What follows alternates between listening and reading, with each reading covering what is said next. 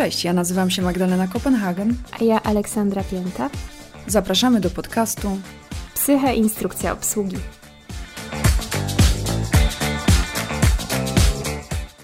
W momencie, gdy dowiadujemy się, że to, co z nami się dzieje, to stany lękowe, nagle nasza rzeczywistość zaczyna się zmieniać.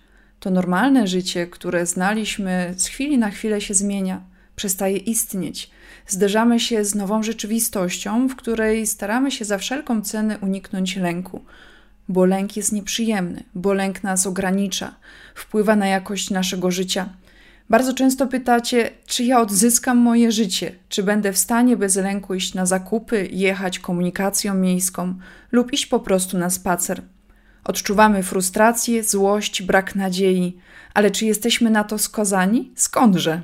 Oczywiście postępowanie w dużej mierze będzie zależało od tego, które konkretnie zaburzenie lękowe mamy, jakie jest nasilenie objawów i na ile one dezorganizują nasze funkcjonowanie, jakie mamy dodatkowe obciążenia, przykład uzależnienia, choroby, no i przede wszystkim preferencje pacjenta. Będę to podkreślać, preferencje pacjenta, bo jak potem za człowiekiem nie idę do domu i go nie pilnuję nie będę tej terapii odbywać za tą osobę, więc pacjent musi mieć jakieś wewnętrzne przekonanie do tego, co mu zaproponowano. Po prostu, żeby była ta motywacja do przestrzegania zaleceń. Jakiś kompromis trzeba wypracować. Pacjent ma prawo się zgodzić albo nie zgodzić na dane leczenie, i jednocześnie ja mam prawo wyczerpać możliwości terapeutyczne i swoje pomysły, e, jeśli taki pacjent się na nic nie zgadza. To tak na marginesie uwaga, żebyśmy dobrze tutaj rozumieli słowo kompromis. I nawet jeżeli jest nam ciężko sobie wyobrazić, że istnieje terapia, lek, sposób, który pomaga, a jednak istnieją techniki, które zwykle powodują bardzo szybką redukcję lęku, a przy regularnym stosowaniu pozwalają nawet z czasem całkowicie przezwyciężyć zaburzenia lękowe. Strategie krótkoterminowe pomagają wydostać się z przerażającej karuzeli myśli w ostrej sytuacji. Taką krótkoterminową strategią może być na przykład szukanie wsparcia – aby wyjść z zaklętego kręgu lęku. Wsparcia takiego jak e, lekarz e, psychiatra, czyli na przykład udać się do Oli lub e, psychoterapeuta, zapraszam do mnie.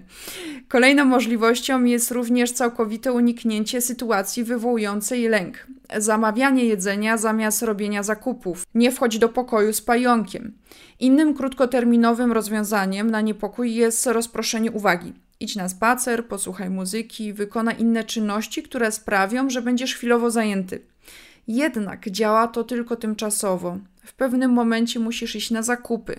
Chcesz znowu wejść do pokoju, nie możesz cały czas być przy telefonie. Pacjenci często przechodzą długą drogę, zanim zostanie zdiagnozowane zaburzenie lękowe. Niespokojni pacjenci często zgłaszają się do lekarzy różnej specjalizacji z objawami fizycznymi i początkowo ukrywają swój lęk ponieważ lęki mogą być w rzeczywistości przyczyną i konsekwencją objawów fizycznych. Diagnozę powinni postawić tylko eksperci, tacy lekarze, a także psychoterapeuci lub psychologowie.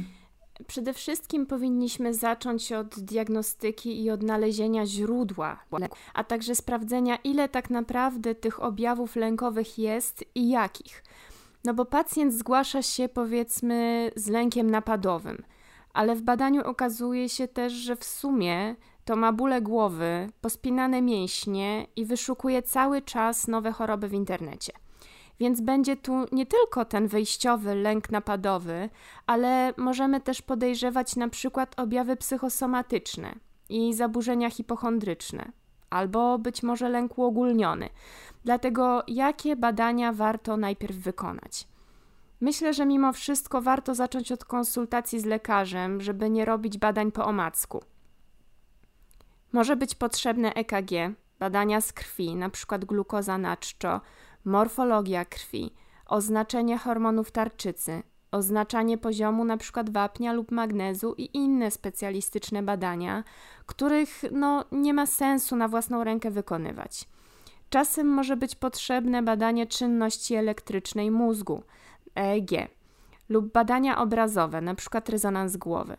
Takimi dolegliwościami, które mogą dawać objawy lękowe, jest też na nadczynność tarczycy, a także stany, które mogą imitować ataki paniki. Zawał, napad tężyczkowy, hipoglikemia, czyli spadek cukru we krwi, zaburzenia rytmu serca. Także to tak z badań. Ale powiedzmy, że mamy to już za sobą, albo lęk towarzyszy nam tylko sporadycznie. Co mogę zrobić? Na wstępie zaznaczamy, że te porady nie mają na celu zastąpienia profesjonalnej porady lekarza lub psychoterapeuty. Dokładnie tak. Bez długoterminowych strategii, czasem zastosowania odpowiedniej farmakoterapii, zmiany schematów myślenia, opanowania technik relaksacyjnych, które są skuteczne w dłuższej perspektywie, strach powróci. W wielu przypadkach te krótkoterminowe strategie nawet utrzymują strach przy życiu, ponieważ nie rozwiązują przyczyny, ale raczej sugerują systemowi, że strach jest uzasadniony, że sytuacja jest naprawdę zła. Strategie długoterminowe odnoszą się do przyczyn, a tym samym pomagają lepiej żyć z naszym strachem na dłuższą metę lub go zmniejszyć. Czyli psychoterapia. Tak, na przykład terapia poznawczo-behawioralna i terapia akceptacji i zaangażowania polega na tym, że pacjent staje w obliczu sytuacji lub bodźców związanych ze strachem, a tym samym doświadcza, że strach z czasem ustępuje, a negatywne zdarzenia, których się obawia, nie występują. Metody relaksacyjne i ćwiczenia również pomagają lepiej radzić sobie z atakami lękowymi. Metody relaksacyjne mogą zmniejszyć napięcie fizyczne, na przykład progresywna relaksacja mięśni Jakobsena. Terapia wzmacnia wiarę we własne możliwości. Pacjent uczy się strategii behawioralnych zorientowanych na cel. Specyficzną siłą terapii poznawczo-behawioralnej jest konfrontacja z sytuacjami wywołującymi lęk, tak krok po kroku. Mhm. A z takich rzeczy, wiesz, dostępnych od razu, to chciałam zacząć od tego, co macie zawsze przy sobie, co jest dla Was zawsze dostępne, niewidoczne i kompletnie za darmo. Jestem ciekawa, kto zgadnie. Chodzi o oddech, a konkretnie wydech. Pewnie nieraz słyszałaś lub słyszałeś w trudnej sytuacji: weź trzy głębokie oddechy, oddychaj, być może nawet was to dodatkowo wkurzyło, bo co to za bzdurna rada? Serio? Mam oddychać, kiedy tutaj się dzieją takie straszliwości? Mogło tak być, prawda? No, stety, niestety w tym szaleństwie jest metoda. Dlatego oddech, a właściwie wydech, jest taki ważny. Podobno człowiek jako jedyne stworzenie może świadomie regulować swój oddech, więc korzystajmy. Wydłużenie wydechu aktywuje układ nerwowy przywspółczulny, czyli taki, który odpowiada za nasz odpoczynek. Spowalnia akcję serca, obniża ciśnienie krwi, zmniejsza napięcie mięśni. Podobno anestezjolodzy wydłużają wydech na respiratorze, kiedy pacjentowi wzrasta tętno i ciśnienie. Łatwo możemy w ten sposób oszukać swój mózg, że wszystko jest ok, jesteśmy bezpieczni możemy po prostu wziąć głęboki wdech i wydłużyć wydech do 6 lub 8. Liczymy sobie w głowie w własnym tempie, w zależności od zaawansowania. Możemy też spróbować tak zwany oddech kwadratowy. Kwadratowy, ponieważ gdyby narysować taki wykres, jak ten oddech przebiega, to powstałby kwadrat. Każdą fazę tego oddechu wykonujemy licząc sobie w głowie do czterech, również we własnym tempie. Wdech, dwa, trzy, cztery, zatrzymanie wdechu, trzy, cztery, wydech, dwa, trzy, cztery, zatrzymanie na wydechu, trzy, cztery. Takie proste, ale warto spróbować. Na pewno też z takich darmowych sposobów nieraz widzieliście mm, takie zachowanie typu muszę się przejść. I to nie tylko taki filmowo-serialowy sposób na rozładowanie napięcia, poza tym, że może to brzmieć wystarczająco dramatycznie, żeby zrobić odpowiednie wrażenie na Twoim rozmówcy, to jest tu też sens z punktu widzenia biologicznego. Tak jak mówiłyśmy w poprzednim odcinku, jeśli jeszcze nie słuchałeś, to nadrabiaj szybciutko Reakcja stresowa w naturalnych, optymalnych warunkach ma taki przebieg, że jest to w jakiś sposób sytuacja domknięta. Uciekasz albo walczysz, podejmujesz wysiłek, a to pozwala na zużycie tych wszystkich substancji stresowych, które twoje nadnercza wyrzuciły do krwiobiegu. W rzeczywistych warunkach, umówmy się, no nie przywalisz szefowi, który cię wkurzył. Nie uciekniesz z samochodu, kiedy stoisz w korku. Cały twój, za przeproszeniem, wiadomo, skumuluje się w tobie i nie znajdzie żadnego ujścia. Hormony będą krążyć i buzować, podtrzymując tą reakcję stresową. Dlatego w takiej sytuacji sam musisz sobie ten ruch zafundować. Serio, przejdź się kilka minut. Do tego przy okazji możesz to połączyć z pierwszym sposobem i poddychać. Po stresującym dniu w pracy puść ulubioną muzykę i poskacz, potańcz, wytrząchaj to z siebie po prostu. Lęki są częścią życia. Nie uda nam się ich całkowicie wyeliminować. Na szczęście. Uznanie, że lęki mają prawo do istnienia, jest ważnym pierwszym krokiem do ich zaakceptowania. Kiedy zaakceptujesz swój strach, możesz przyspieszyć jego złagodzenie. Akceptacja jest również podstawowym warunkiem właściwego skonfrontowania się ze swoimi lękami. Uważność jest jednym ze sposobów praktykowania tej akceptacji. Mówimy tu o mindfulness, czyli treningowi uważności. Ale czym jest mindfulness? Tak pokrótce. Jest to trening uważności, jest to budowanie samoświadomości, takie bycie tu i teraz. Praktyka ta polega na świadomym wykonywaniu czynności, np. świadomym jedzeniu, oddychaniu, spacerowaniu, słuchaniu drugiego człowieka, ale nie tylko, ponieważ mindfulness to zwiększenie samoświadomości ciała, która przyczynia się do rozwinięcia umiejętności i poznania emocji. Doświadczając niekomfortowego uczucia, zatrzymajmy się na chwilę i odpowiedzmy na poniższe pytania. Jakie sygnały wysyła teraz moje ciało? Jakie odczucia? Co się w nim dzieje? Czujesz lęk, opór, złość, niemoc? Poświęć czas na poznanie tego uczucia i odpowiedz na poniższe pytania. W którym miejscu mojego ciała pojawiło się to uczucie? Czy to jest może klatka piersiowa, czy żołądek? Czy nabiera na sile, czy słabnie? Czy zaciska się, czy rozluźnia? Czasami mówimy, że mamy wrażenie, jakby głaz przyciskał naszą klatkę piersiową albo sznur zaciskał się na naszym gardle. Przesuwa się powoli czy szybko? Jak wygląda? Jakiego byłoby koloru? Jakie byłoby, gdyby można było go dotknąć? Czy to uczucie jest ciepłe czy zimne? Jak oceniasz w skali od 0 do 10? Jest jeszcze jedno ćwiczenie, które bardzo lubię i nawet sama stosuję. Wyobrażam sobie mianowicie, że mam w ręce sznureczek, do którego jest doczepiony balonik wypełniony helem. Na tym baloniku oczami wyobraźni mm, zapisuję zmartwienie, które mi towarzyszy. Następnie, jak ten napis się pojawia na tym baloniku, Patrzę w niebo i patrzę na ten powiewający balonik, który mam w ręce.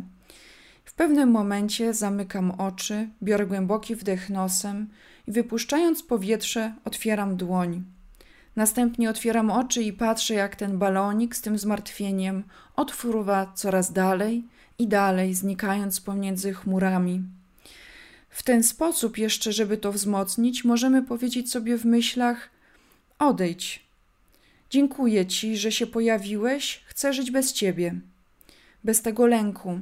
Spróbujcie, bardzo Was do tego zachęcam. Wyobraźcie sobie, że siedzicie w parku z balonikiem, który w pewnym momencie wypuszczacie z ręki. Jeżeli ten sznureczek nadal będzie e, w Waszej dłoni, zadajcie sobie pytanie: dlaczego, co daje mi ten lęk, co, do czego go jeszcze potrzebuję? Ale poza tymi technikami mindfulness jest jeszcze jedna niezwykle skuteczna metoda pracy z lękami, którą stosujemy z Olą w naszych gabinetach, mianowicie hipnoza. Hipnoza jest jedną z najstarszych form leczenia w historii ludzkości i opisuje metodę, dzięki której ludzie są wprowadzani w stan e, świadom, w inny stan świadomości. Podczas gdy hipnoza jest procesem wprowadzania kogoś w trans, trans jest odmiennym stanem świadomości. Podczas transu wypowiadane są sugestie, dzięki którym następują zmiany. Poprzez hipnozę możemy bardzo skutecznie komunikować się z podświadomością i wprowadzać tam zmiany w myśleniu, uczuciach, zachowaniu. Skuteczność hipnozy jest uznana medycznie i potwierdzona naukowo. E, obecnie jest stosowana w psychoterapii, naturopatii, sporcie wyczynowym. Jest, hipnoza jest stosowana z powodzeniem nawet na salach operacyjnych jako wsparcie. A my na co dzień w gabinetach stosujemy ją właśnie, żeby uwolnić się od stanów lękowych, nerwicy czy fobii, lęku wysokości, lęku przed psami, zastrzykami i różnymi innymi lękami. Dzięki hipnozie podniesiemy swoje poczucie własnej wartości, uwolnimy się od chronicznego bólu, ale też e, z Olą pracujemy, używając hipnozy w pracy z dolegliwościami psychosomatycznymi. Ale więcej o tym opowiemy w, w osobnym odcinku. Czy nieleczony lęk się zwiększa, czy może ustąpić sam? E, ja powiem szczerze, nie spotkałam się z pacjentem, któremu lęki by przeszły same raczej obserwuję tendencję do narastania tego problemu i dodawania kolejnych lęków, czasem też depresji. Ale może to dlatego, że przecież jeśli komuś y, samo przeszło, no to nie trafi do gabinetu psychiatry, tak? Czyli nie trafi do mnie. I tutaj masz rację, unikanie strachu może prowadzić do większego cierpienia. Najsilniejsze i najbardziej natychmiastowe zmniejszenie lęku następuje, gdy unika się sytuacji wywołujących lęk – Dlatego jest to szczególnie atrakcyjne, aby czuć się po prostu dobrze.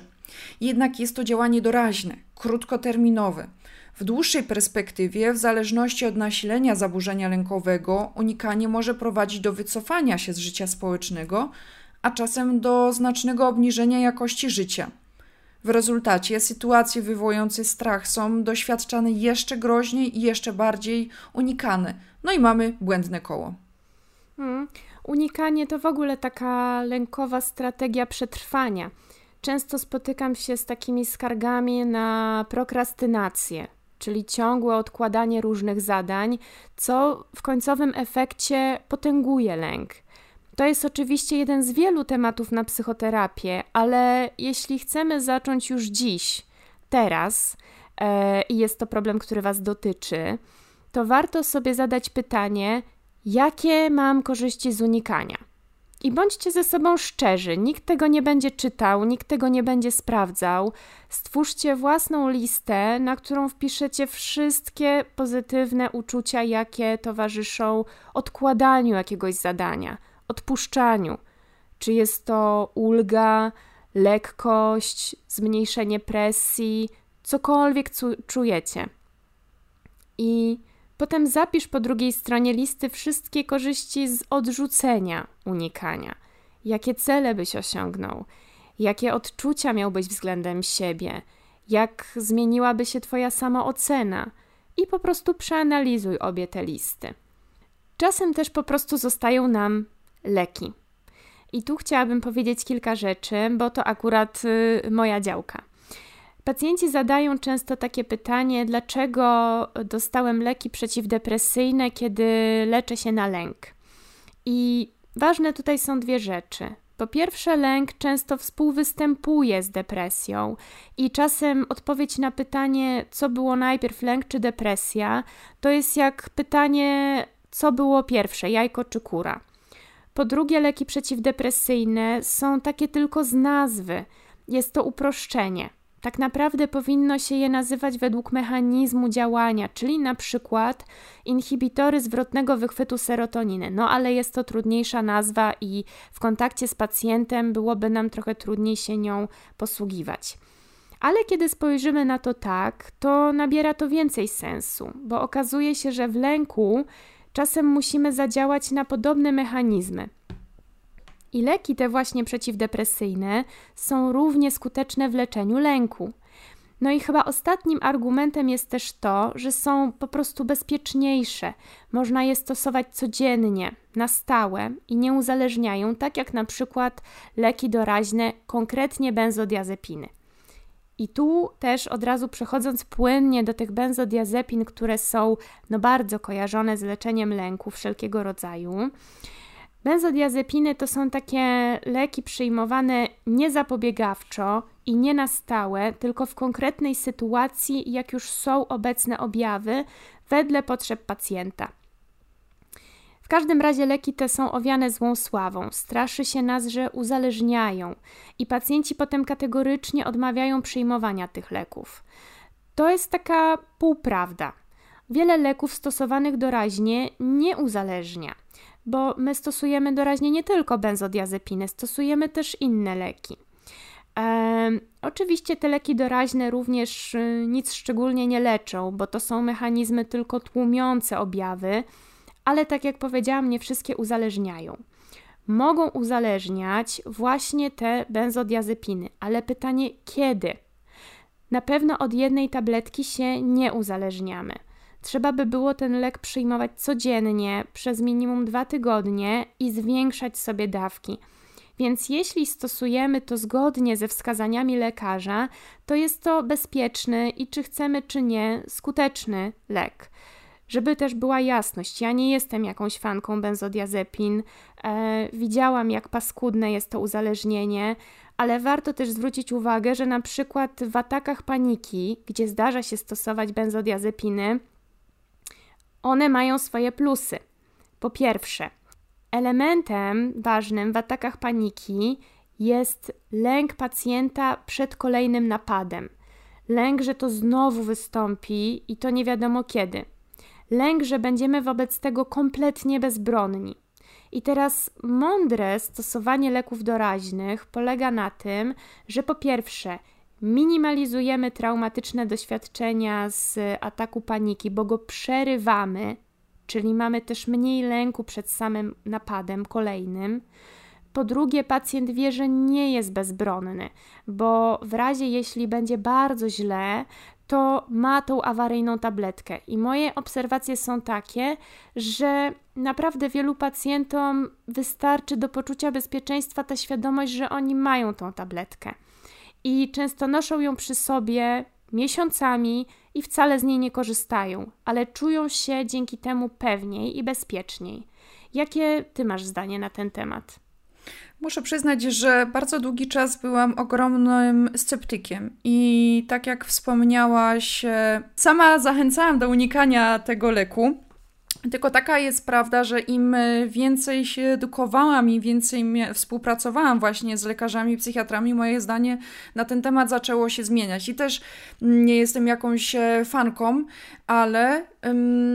Widzę ogromne zalety stosowania tego leku. I tak jak wspomniałaś, potrzebne jest minimum dwa tygodnie, żeby w ogóle mm, mówić o jakimkolwiek uzależnieniu, ale są też właśnie benzodiazepiny długo działające, które na przykład bierze, można brać spokojnie po 4-6 tygodni, tylko pod opieką, opieką lekarza. Pamiętajmy, że to nie są cukierki, które możemy sobie sami e, stosować.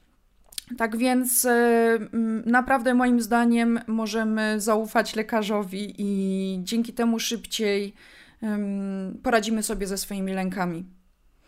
Gdy zaczynamy odczuwać lęk, często też udajemy się do apteki, a tam mamy całą masę suplementów do wyboru. Jak to jest z tymi suplementami? Brać je czy ich nie brać? Wiesz co, um, żadna suplementacja nie zastąpi zdrowego stylu życia. Sorry, tutaj po prostu nie ma drogi na skróty. Sen dobrej jakości, regeneracja. Nie jest żadną tajemnicą, że wyczerpany organizm będzie dużo bardziej podatny na stres i lęk. No ale czy jakieś preparaty bez recepty mają sens? To zależy od natężenia objawów, bo to też nie jest tak, że to kategorycznie nie ma sensu i te preparaty są bezużyteczne. Jeśli sporadycznie nam się zdarza jakieś wewnętrzne napięcie, które nie upośledza naszego życia, ale po prostu chcielibyśmy sobie jakoś pomóc, dostępne są takie preparaty w aptece na bazie ziół, na przykład walidol, melisa, waleriana. Dodatkowo warto y, rozważyć też na przykład magnez, witaminy z grupy B, witaminę D3, cynk, które też wpływają pozytywnie na działanie układu nerwowego. Przypominam, że przed użyciem zapoznajemy się z ulotką.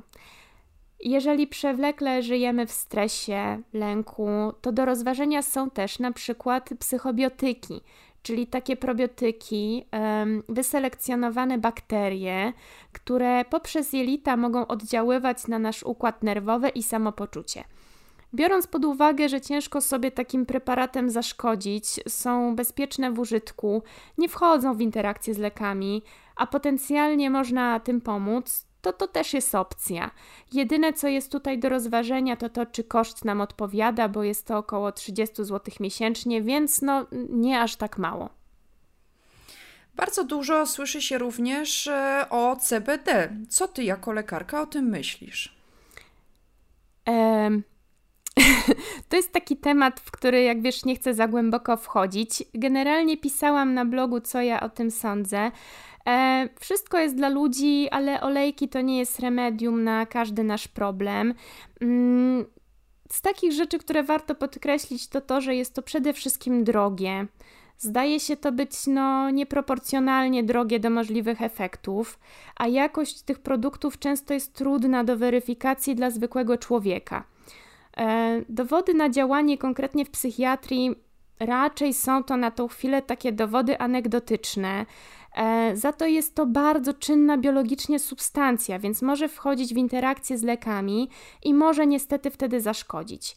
Nie mówię, że to się w przyszłości nie zmieni. Czekamy po prostu na więcej badań i na jakieś wytyczne do ewentualnego stosowania w psychiatrii, jeżeli takie kiedykolwiek się pojawią. I tak jak wspomniałaś, e, możemy znaleźć e, artykuł na Twoim blogu, ale też zapraszam na mojego Instagrama, gdzie napisałam e, dwa obszerne posty, nagrałam też live'a i tak samo jak ty, nie mówię nie, mm, stosujmy tylko z rozwagą. To jeszcze tak e, z takich uwag na marginesie. Mm, pytanie z gabinetu, że tak powiem, bo często pada. Czy unikać kawy? Bo takie się znajdują artykuły w internecie, że kawa wzmaga lęk i tak dalej. To zależy, jak konkretnie ty na tą kawę reagujesz. Niektórzy dostają kołatania serca, drżenia rąk, ciała, stają się nerwowi, co może imitować takie objawy lękowe i wzmagać faktycznie to odczuwanie lęku. Wtedy oczywiście lepiej jest tej kawy unikać. Ale jest też grupa osób, które piją kawę dla smaku, a nie pobudzenia Albo już okej, okay, albo i dla pobudzenia, ale po prostu tolerują kawę dobrze. Wtedy nie ma to związku z ich objawami. Na pewno przy dużym spożyciu kawy warto rozważyć właśnie tą suplementację magnezu, bo kawa go wypłukuje, oraz porządne nawodnienie wodą. Wodą taką niegazowaną, ponieważ kawa odwadnia. I to tyle z jakichś szczególnych środków ostrożności w temacie kawy. Reasumując, nawet doświadczając stanów lękowych, jesteśmy w stanie dzięki odpowiednio dobranym metodom, czy to psychoterapii, farmakoterapii, suplementacji, dojść do satysfakcjonującego życia. Mamy nadzieję, że dzisiejszy odcinek będzie dla Was pierwszym krokiem do pracy nad lękiem. Do usłyszenia za dwa tygodnie. Do usłyszenia, dziękujemy.